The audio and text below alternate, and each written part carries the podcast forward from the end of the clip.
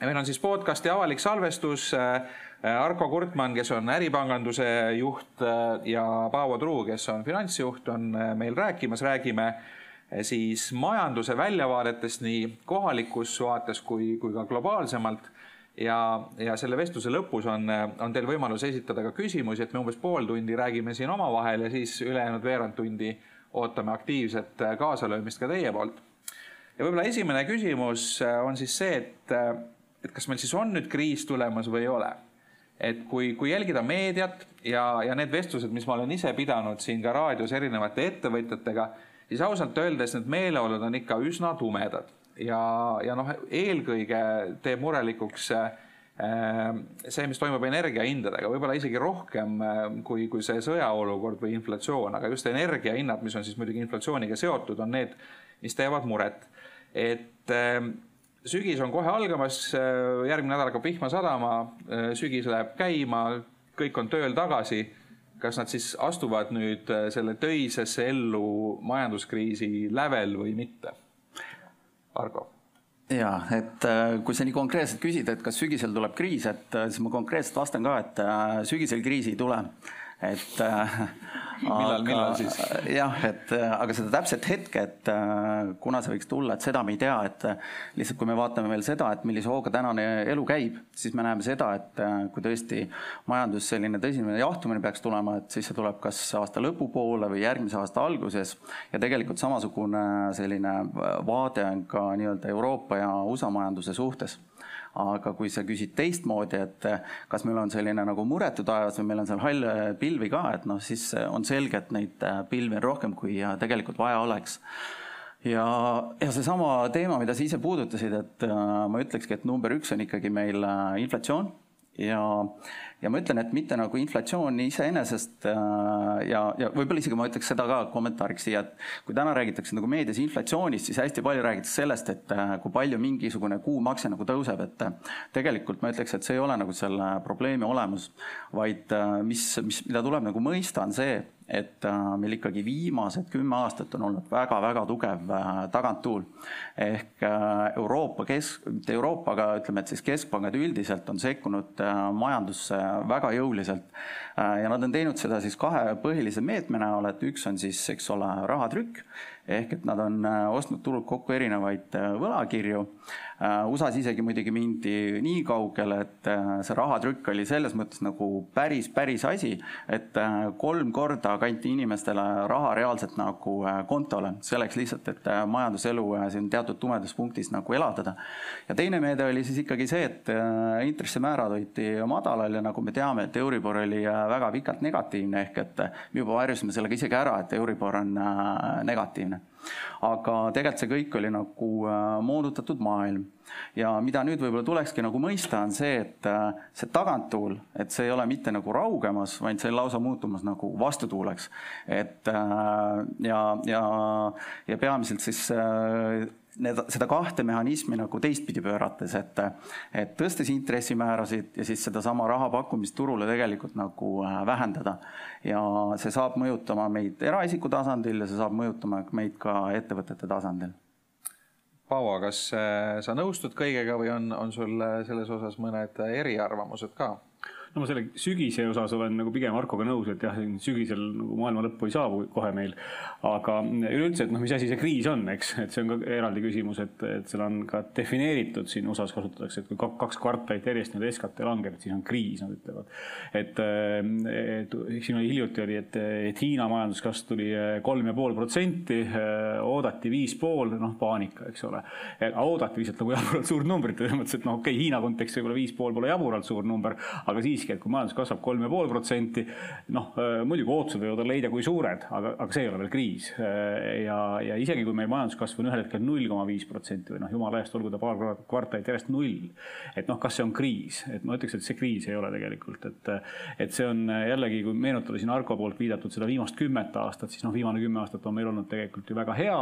noh, üks sutsakas koroonat käis siit vahepealt nagu üle, eks ole, aga põhimõtteliselt on meil olnud viimane kümme aastat ikkagi Euroopas ja ka maailmas laiemalt eh, noh, pigem ikkagi nagu väga-väga muretu elu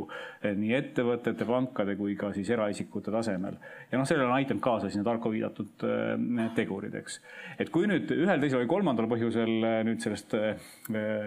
viimase kümne aasta kogetust noh, muutub olukord natuke nagu noh, raskemaks, et, et siis ta ei ole veel kriis, et lihtsalt see pidu pidi läbi saama ühel hetkel. et negatiivsed intressid tegelikult pikas perspektiivis ei ole normaalne, see on ebanormaalne olukord, see ebanormaalsus nüüd saab likvideeritud, okei okay,, natuke läheb raskemaks. nüüd, mis on tõesti noh, kriis ja traagika, on muidugi see, kui inimesed jäävad tööta et kas majandus kasvab kolm protsenti või, või null koma viis, noh, ütleks, et, et erinevus on, aga kriisi ei ole kummalgi juhul. aga kui ikkagi konkreetselt äh, ema ja isa jäävad tööta, noh, siis see on kriis, eks ole, ja sellega tuleb tegeleda ja seda võib juhtuda no ma mõtlesingi, et nüüd see kriis on selline väga lai ja äh, üldine mõiste, aga, aga saatan peitub detailides, et kui nüüd minna nagu konkreetsemaks, et, et mis need probleemid siis võivad olla. Et kui, kui vaadata nüüd majandussektorite kaupa, et äh, mis on need sektorid, äh, mis võiks olla sellest praegusest makroolukorrast kõige rohkem ohustatud, et, et kellel võiks olla kõige suuremaid probleeme tulekul no ma arvan, et absoluutselt kõik sektorid, mis on nagu oma olemuselt äh, energiamahut, äh, energiamahuka tootmisprotsessiga, eks ole. et tegelikult ma arvan, et igasugused tootmisettevõtted on nagu ütleme nii, et nende üks äh, väga oluline tootmissisend, eks ole, siin ähm,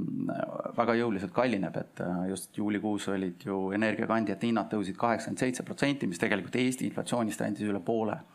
et, äh, et ma arvan, et kõigil sellistel äh, sektoritel äh, tuleb kuidagi natukene ettevaatlikumalt tulevikku vaadata ja kohe tegelikult ka mõelda nagu selles võtmes, et et ilmselt selle tootmissisendi hinnaga tuleb leppida, küsimus lihtsalt selles, et kas sa saad selle edasi kanda ühel või teisel moel enda lõpptarbijale, et ehk kliendile, et et Äh, ja näiteks maagaas ju, eks ole, teeb järjest praegu uusi hinnarekordeid, et kui me aasta alguses nägime seda, et erinevad metallid läksid kalliks, eks ole, puit oli siin vahepeal kallis, siis tegelikult nende hinnad on normaliseerunud. aga energiahinnad äh, või need energiasisendid, et äh, need kahjuks ei ole normaliseerunud nüüd me sõltume järjest rohkem ka eksporditurgudest ja, ja tegelikult isegi need sektorid, kus võib-olla see kodumaisel nii-öelda tootmises see energiakomponent ei ole ülemäära suur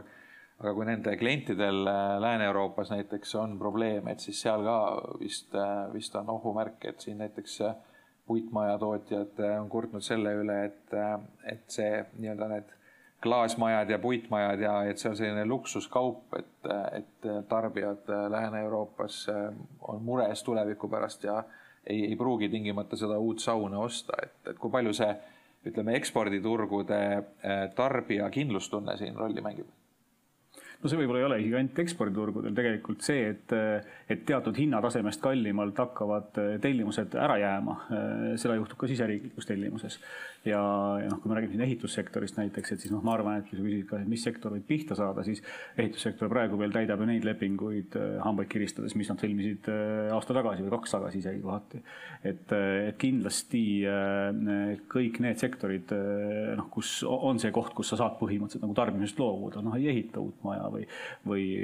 või ei renoveeri või lõpuks siin, eile oli uudis, kus Rail Baltica terminali hankel tuli üks pakkuja ja hind oli kaks korda kõrgem kui oodati, eks. et. Äh, vist või... isegi rohkem kordi kõrgem oli, minu arust oli, oli seal see vahe oli veel suurem. seal äh, muidugi see on üsna tavapärane selline nii-öelda nagu tagajärg suurtele infrastruktuuriprojektidele, mis kõik lähevad kordades lõhki tavaliselt, aga, aga et, et see võib olla see koht, kus ühel hetkel öeldakse stopp, et raha ei ole ja ei teegi, eks. ja, ja siis, äh, siis noh, see sektor, noh, nõudlus kukkus ära ja järgneb muidugi see, millest ma rääkisin, mis on see kõige traagilisem, eks ole, et mitte sul ei ole nagu, et noh, natuke läheb elu kehvemaks, vaid sul lihtsalt need äh, töömehed, kes muidu olid harjunud betooni valama, nemad lähevad koju, sest keegi pole nõus äh, seda kallist betooni ostma, on ju. et, äh, et see tegelikult on siis mitte ainult eksportiva sektori, vaid, vaid ka teiste sektorite häda võib-olla ja noh, tõesti nagu Marko ütles, energeetika, see on muidugi täitsa nagu avajaos on see, see on ikka tohutu koormus ausalt need, hinnad praegu kogu ökonoomika ja laialt hästi nii-öelda lihtne number, eks ole. Eestis on aastane tarbimine kaheksa teravatti, teravatt-tundi umbes on siis elektri tarbimine. et, et kui nüüd elektri hind on sada eurot kallim, kui ta nii-öelda oli harjumuspärane, siis see on umbes kaheksasada miljonit eurot aastas kellegi taskust, meie, teie, ettevõtted, noh, kellegi taskust nii-öelda täiendav kulu, kaheksasada miljonit aastas, see on sada eurot juurde, eks. aga me täna näeme kakssada eurot kõrgemaid tasemeid, noh, okei okay,, eilsest me ei räägigi, siis oli täitsa pöörane, aga Ja, ja... et see koormus on päris suur ja, ja see võib tõesti tekitada selle, et objektiivselt omahinna kalkulatsioon läheb nii suureks, teed kliendile pakkumise, klient ütleb täna ei, ma jätan ostmata. No tegelikult äh, on mure ka turismisektoril, neil on äh, jällegi noh, seal ütleme energia, noh, kui spaad kõrvale jätta, et siis, äh, siis mujal ei pruugi see energiakomponent nii suur olla, aga aga neil on jälle see mure, et, et eriti Ida-Virumaal, ka siinkandis, on ikkagi see Vene turistide osakaal olnud üsna märgatav, et ma just rääkisin paar päeva tagasi ühe, ühe spa ettevõtjaga, kes ütles, et näiteks äh, Ida-Virumaal äh, nii-öelda sellest turismikäibest äh, umbes kolmandiku, isegi rohkem on moodustanud siis Venemaalt tulevad turistid, keda siis nüüd enam poliitilistel põhjustel me ei taha. Et, et tegelikult see ka võib-olla see sektor pole nii suur, aga, aga jällegi ta on suhteliselt suure tööhõivega, eks ole, et, et kui kõik hotellid ja, ja kohvikud ja kõik, kes sellest sõltuvad, nüüd ühel hetkel kaotavad seal kolmandiku sissetulekust, siis tõenäoliselt ka on, on vaja koondada inimesi. Noh, sellega turismisektor on küll selle harjutuse läbi teinud korra siin kaks aastat tagasi, et, et praegu on neil kergem kui kaks aastat tagasi no ma ise arvan seda, et äh, turismisektoris ikkagi, äh, kui sa vaatad tervikut, et seal on pigem nagu positiivseid äh, sõnumeid rohkem kui negatiivseid selles valguses, et et see Vene turistidest sõltumine võib-olla on nagu regioonipõhine, eks ole, aga et pigem just, kui me vaatame Pärnu saared, et seal just on pigem nagu heameelt tuntud selle üle, et jälle välisturist on nagu tagasi tulnud, et et ju viimased aastad turism nii palju, kui ta nina suutis vee peal hoida, hoidis ikkagi kohalikku kohaliku äh, inimese nii-öelda reisimise või, või külastamise tõttu, eks ole, et, et äh, seal ma arvan, et jah, no ütleme niimoodi, et tegelikult äh, kui me nüüd läheme sinna nii-öelda selle idaprobleemide suunas ja ja me ei saa tegelikult üle ja ümber, et ega meid ikkagi väga otseselt mõjutavad kahekümne neljandal veebruaril alanud sõjasündmused, et, et noh, et ütleme, et see, et meil turistid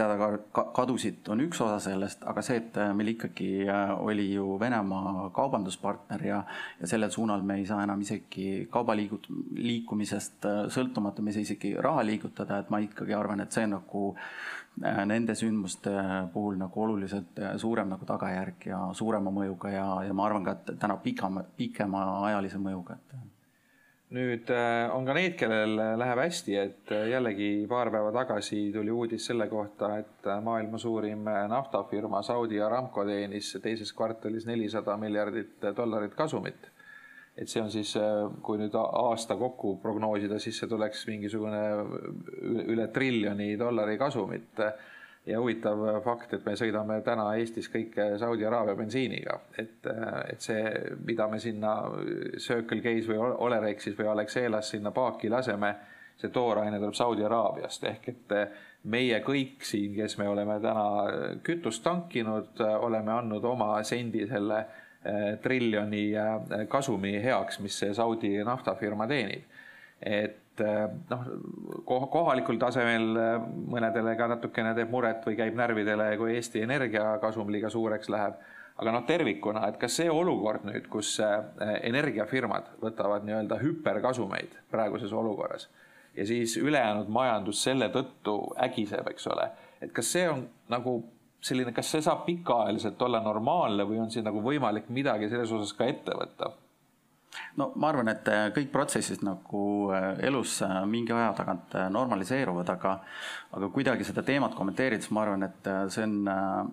see on eriti valus nagu Eestile, et tegelikult see, mida sa kirjeldad, tähendab seda, et Eesti inimesed ja Eesti ettevõtted maksavad ju välisettevõttele raha. ja kui me vaatame täna, mis, mis, mis on selle tulem, on see, et hoiused sellel aastal ei eraisikutel ega ettevõtetel põhimõtteliselt ei ole kasvanud, et et muidu ju võiks mõelda, et kui ettevõte tõstab hindasid, siis eraisiku hoiused liiguvad ettevõtte kontole, aga tundub, et äh, kuna needsamad energiakandjad, millest me räägime, eks ole, et äh, seda ressurssi imporditakse, siis see raha tegelikult liigub Eestist välja. Et see on nagu, ma ütleks meile nagu äh, topeltvalus, et. et raha tekkis Aramco kontole. Kahjuks on ta arvel meie juures. aga jah, see su küsimus jah, et, et, et esiteks, et, et kes siis nagu siin, kelle kontole see siis liikus, eks ole, no ühe tuvastasime, et noh, eks neid mängijaid on veel, eh, et noh, me kõiki ju otse ei teagi, eks ole, ja lõpuks on meil ilmselt ka läbi, ma ei tea, ei tea mitme edasimüüja ja, ja, ja rafineerimistehase siin igasugu segusid neid, neid naftasid ja gaasiturul. aga noh, peale selle, kui me räägime siin, et, et kõik toorained noh, ikkagi okei okay,, aasta algusega võrreldes on siin metallid ja puit läinud odavamaks, aga, aga jälle võib-olla kahe aasta tagusega võrreldes ikkagi jätkuvalt kõrgemas seisus. et siis selgelt kõik need, kes seda toorainet nii-öelda ekspordivad ja müüvad, noh, nemad on selgelt nagu võidus, et on see siis Kongo, Nigeeria, Venezuela või, või ka nafta puhul tegelikult miks mitte Norra, eks. või, või ka elektri puhul Norra on ju elektri eksportija ja, ja võib-olla siin noh, isegi teatud mõttes jällegi niikaua, kui, kui need ressursside hinnatõusud on nagu mõistuse piires. et ma olen siin mõnda tuttavat ärritanud ka selle seisukohaga, et, mõõdukas hinnatõus on nagu väga okei okay,, võib-olla isegi grammike üle mõõduka on väga okei okay.. sest kui me räägime teistpidi, et, et me oleme liiga suur koormus planeedile ja me peame kuidagimoodi oma tarbimist vähendama, siis tegelikult see on kõige parem meetod seda reguleerida, et, et noh äh,,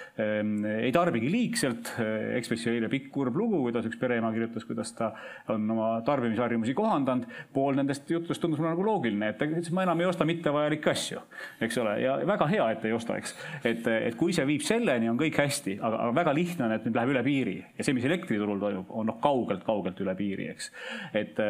et see on, on väga selge, et see ei ole enam tervislik, et, et elektri hind neljakümne euro asemel kuuskümmend või kaheksakümmend oleks väga tervislik minu meelest, aga, aga noh, viissada ei ole tervislik ja, ja eks see tagajärg või noh, põhjus on muidugi selles, et, Eesti Energiat ei saa küll hästi süüdistada, võib-olla saab ka natuke. mina süüdistan muidugi rohkem lätlasi-leedukaid, kes lihtsalt ei tooda. et täitsa piinlik on vaadata sportlikust huvist, peaaegu iga päev vaatan, mis nad seal teevad. viiskümmend megavatti annavad turule eh, elektrit. no kurat, Läti riik, see on nagu, see on kümme tuulikut, eks ole. terve Läti riik annab kümne tuuliku jagu elektrit turule, noh, see ei ole mitte midagi, eks. ja, ja, ja ongi, kuna lõuna pool on defitsiit nii suur, noh siis tekib siin see eh, ahela efekt, et meie toodetav elekter voolab sinna ja kokkuvõttes on siis nõudluse pakkumise tagajärg paigast ära. pika jutu kokkuvõte on see, et tegelikult nõudlus ei ole pööraselt kasvanud, vaid pakkumine on kohutavalt ära kukkunud. ja selle eh, põhjus on tegelikult see, et viimased kümme-viisteist aastat on ju tegelikult pakkumisse eh, noh, ei ole investeeritud, vaid on sulgetud jaamasid ja siin ei ole mitte midagi tegelikult imestada nüüd tagantjärgi vaadates, et see pidi käima ühel hetkel niisugune reaktsioon, kus nõudluse pakkumise tasakaal on paigast ära. halb uudis on see, et energeetikas noh, kahe kuuga ei investeeri uude elektrijaama aga tegelikult on see lahendus ainult selles, tegelikult tuleb hakata investeerima, milleks ka tänased hinnad annavad nii-öelda põhjust. Ja, ja siis need äh, ülikasumid tulevad jälle alla, tulevad mõistuse, äh, mõistlikule tasemele ja, ja siis see olukord äh, laheneb, võib-olla mitte tasemel nelikümmend eurot megavatist, megavatt-tunnist, võib-olla tasemel sada, aga, aga noh, ta tuleb nagu sellest viiesajast alla, aga see võtab aastaid. Jah, ja tegelikult see põhjus, miks need, miks ei ole ka investeeritud juurde uut, uutesse võimsustesse, on see, et, et tegelikult Äh, meil on nii-öelda rohepööre, mida küll ei tahaks süüdistada otseselt, aga tegelikult süüdistada saab nii palju, et me oleme alustanud rohepööret, aga me oleme vanasse kaevu enne sülitanud, kui, kui uus kaev valmis on, eks ole. et, et, et selles on see häda. aga nüüd, kuidas siis ikkagi äh, teie kui pankurid ettevõtjal soovitaksite käituda, et, et noh, koroonakriisist me võib-olla nii palju õppisime, näiteks lennunduse näitel et esimese ohumärgi peale kõik lahti lasta, kõik töötajad lahti lasta ei ole hea mõte, sellepärast et neid ei saa pärast enam tagasi. või siis saab korduvalt tunduvalt kõrgemate hindadega. ja, ja ilmselt nii, nii mõneski muus sektoris oli sama probleem, et, et see nii-öelda kiire reageerimine võib-olla hetkeks päästis, aga siis pikas perspektiivis lõikasi sellega näppu et kuidas siis sellele kriisile reageerida, et, et noh, kellel palju rahapuhvreid on, loomulikult hoidke töötajaid tööl ja, ja makske neile palka ja ja, ja sööge nii-öelda varusid, aga, aga need noh, enamik ettevõtjaid, väiksemaid just, kellel neid varusid võib-olla ülemäära palju ei ole, et mis nad siis peaks tegema, et, et kas nad saavad abi pangast, riigi käest, kuskilt mujalt, et mis, mis nad peaks tegema ega see varude söömine tegelikult nagu pikas perspektiivis ei aita ka selles mõttes, et noh, et, et kui nüüd noh, sisendil on läinud kallimaks ja nüüd öeldud, okei okay,, ma äh, kliendile hinda ei tõsta, sest mul on varusid, noh, see ei ole jätkusuutlik tegevus. et tegelikult, kui ikkagi ja see, see, et tooraine hinnad ja sisendi hinnad on kõrged, okei okay,, elektri hind on nagu teeb mingeid tippe, võib-olla gaas ühel hetkel laheneb, eks ole. aga et, et noh, mingisuguses mõttes nagu uuele tasemele nad on jõudnud ja eks nad päris vanale tasemele tagasi ilmselt ei lähegi. et, et öelda, et noh, ma kannan kannatan selle ära ja vaat kolme aasta pärast äh, siis läheb elu kuidagi paremaks. ilmselt niimoodi ei lähe, ehk siis, et ei soovita nagu ainult varude söömise peale jääda, et, et kindlasti tuleb ikkagi vaadata see üle, et, et kas tema klient ikkagi on valmis rohkem maksma või ei ole valmis rohkem maksma selle teenuse või toote eest, mis täna ongi kallim. Midagi teha ongi kallim. Ja, ja võib-olla mingi osa sellest nõudlusest kukubki ära mis on ka loomulik nii-öelda nagu reaktsioon ja osa ja, ja siis tuleb oma ärimudelit sellele kohandada. et see on nagu üks asi, et, et kindlasti mitte jääda lootma selle peale, et oh, mul on kolmeks kuuks raha, et ma praegu ei tee midagi, vaatan kolme kuu pärast, võiks ikka täna juba vaadata. ja teine asi, et, et kindlasti tasuks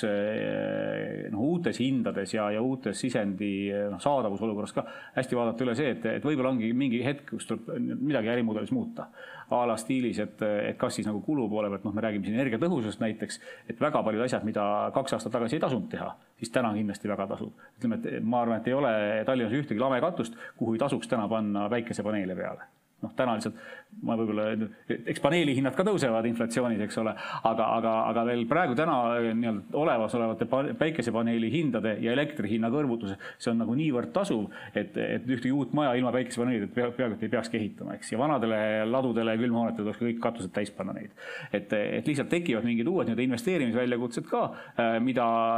noh, hea meelega rahastaks tegelikult, et, et, et see on nüüd nagu see investeerimise faas tegelikult ei ole nüüd, et, et majandus on nüüd jahenemas, ärme investeerime, tuleb investeerida sinna, mis aitab sellest kriisist üle saada muuhulgas näiteks äh, energiatõhususe kasvu ja muuhulgas näiteks ka, ka lokaalsesse, noh, ükskõik kas suurde või väikesesse energia tootmisse.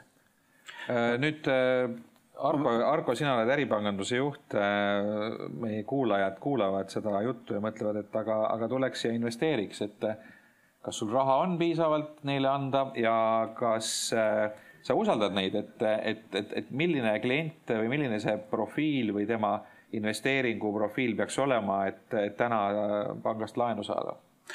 ma võib-olla natuke kommenteeriks seda eelmist küsimust mm. ka ja siis see haakub selle ja. küsimusega, et et Paavo läks võib-olla siin juba natuke konkreetsemaks, aga ma ise arvan ikkagi, et kõige suurem ja olulisem äh, asi, mida tuleks teha, seda nii riigi kui ka ütleme siis meie panga poolt, on see, et me ikkagi peaks ettevõtjat usaldama.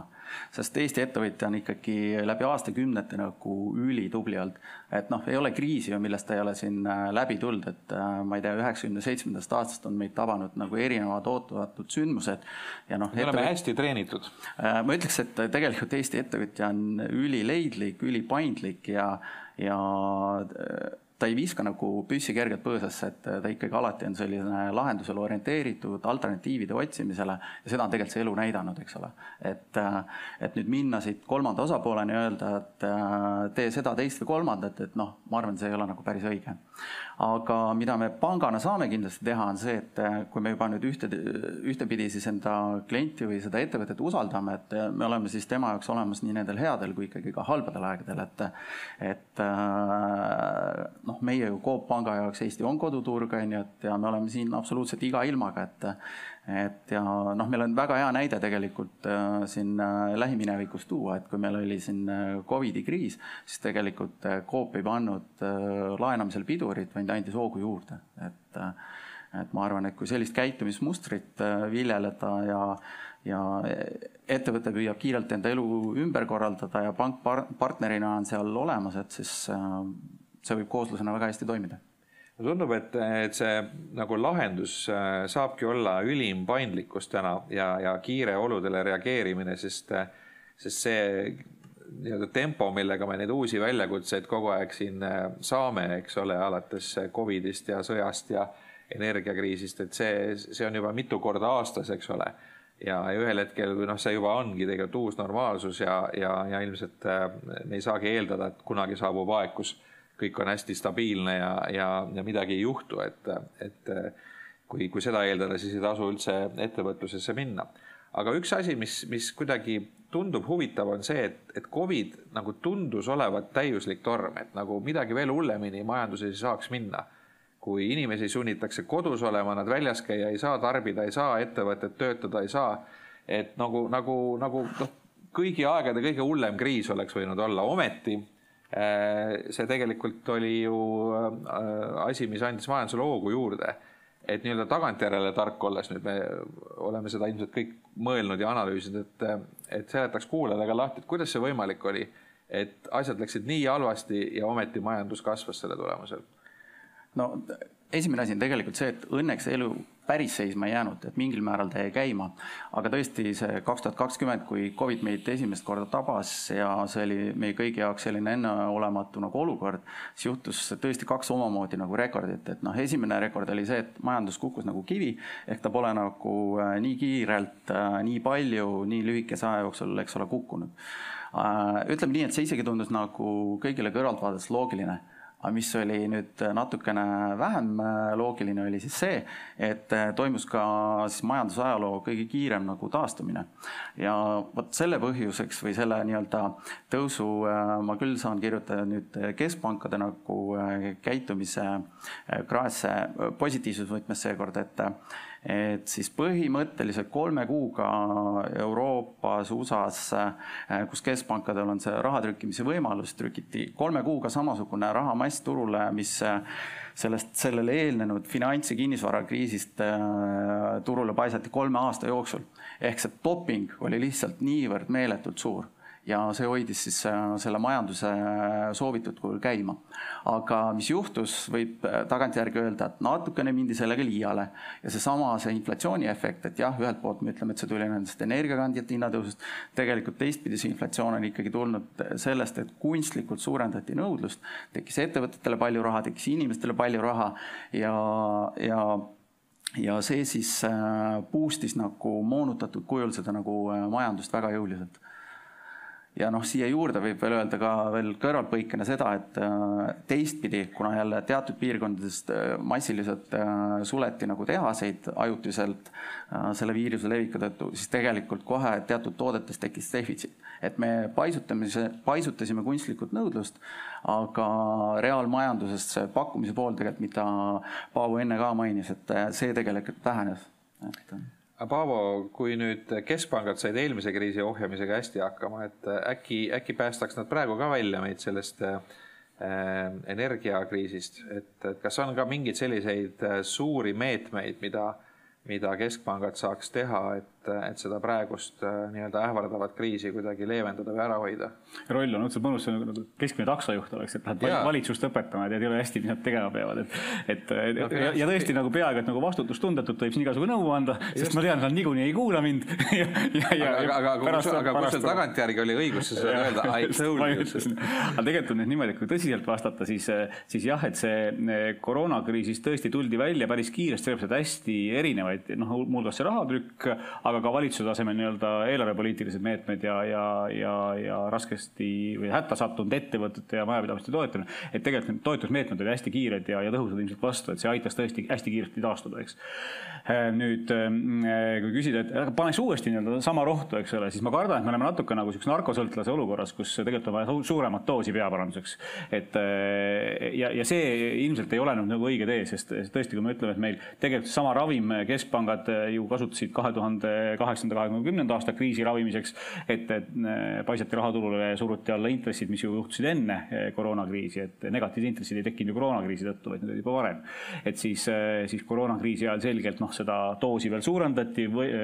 hästi võimsalt selle lühikese perioodi jooksul. et noh, kui suur see doos nüüd peaks olema, et, et see nüüd siis omakorda lapiks eelmised haavad ja veel aitaks ka, eks. et ma arvan, et see arstim, noh, tuleks hakata pigem nagu tegelema võõrutusnähtudega ja natuke vähendada seda, seda ravimit. küll aga nüüd äh, on noh, niisugune värske mõte keskpankuritele, kes kõik kuulavad, et ähm, et natuke traagika nüüd selles keskpankade tänases tegevuses on see, et kõik näevad, et inflatsioon on. noh, klassikaliselt öeldakse, et kuradi keskpankurid, teie asi on inflatsiooni hoiata, ohjata, et mis te teete, noh, tõstke juba lõpuks intressi. ja loomulikult jällegi veel ütlen, negatiivne intress on ebaloomulik olukord. aga, aga nüüd, et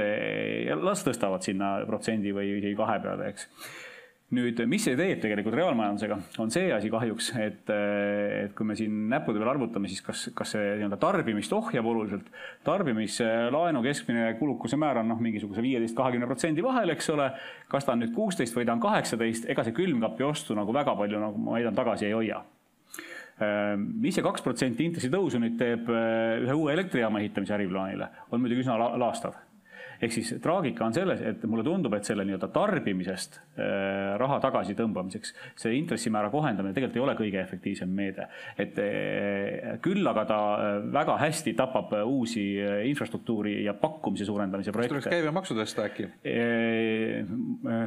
ma võin isegi peaaegu seda öelda, sest vastutus täiesti puudub, poliitikasse ei kavatse minna. aga, aga et, et tegelikult tõesti, et, et see võib-olla noh, las tõstavad neid intresse tõesti nii-öelda nagu terve mõistusega ette nähtud tasemele, las olla pool protsenti või protsent, eks ole, oma keskpanga intressid. aga mulle tundub, et tegelikult selle kriisi pikaajaliseks leevendamiseks on vaja nüüd äh, pakkuda ikkagi äh, mingit tuge või rahastust, mitte tarbimiseks, vaid äh, uue pakkumise turule toomiseks ja eelkõige ma räägin just energeetikast tegelikult jällegi, kus on eh, väga kapitalimahukad, eh, mahukas ala, kus see pool protsenti intressi on hästi kaalukas tegelikult, et, eh, et kas see investeerimisotsus tuleb või ei tule. ja teistpidi, noh, seal on karjuv vajadus selle järele, sest see on see koht, kus meil on pakkumine lihtsalt niivõrd ära nagu kustunud, et vaja on uut ressurssi peale. ja vot see on nüüd see koht, kus keskpangad peaks mõtlema, et kas nende meede seda teist poolt ka teeb, kas pakkumine suureneb, ma kardan, et see, sellele nad lõikavad selles mõttes sellest näppu. ja, ja, ja siis juhtub, et, et kuna meie tänane inflatsioon ikkagi suures osas on tingitud tegelikult sellest nõudluse pakkumise nii-öelda tasakaalust väljaviimisest.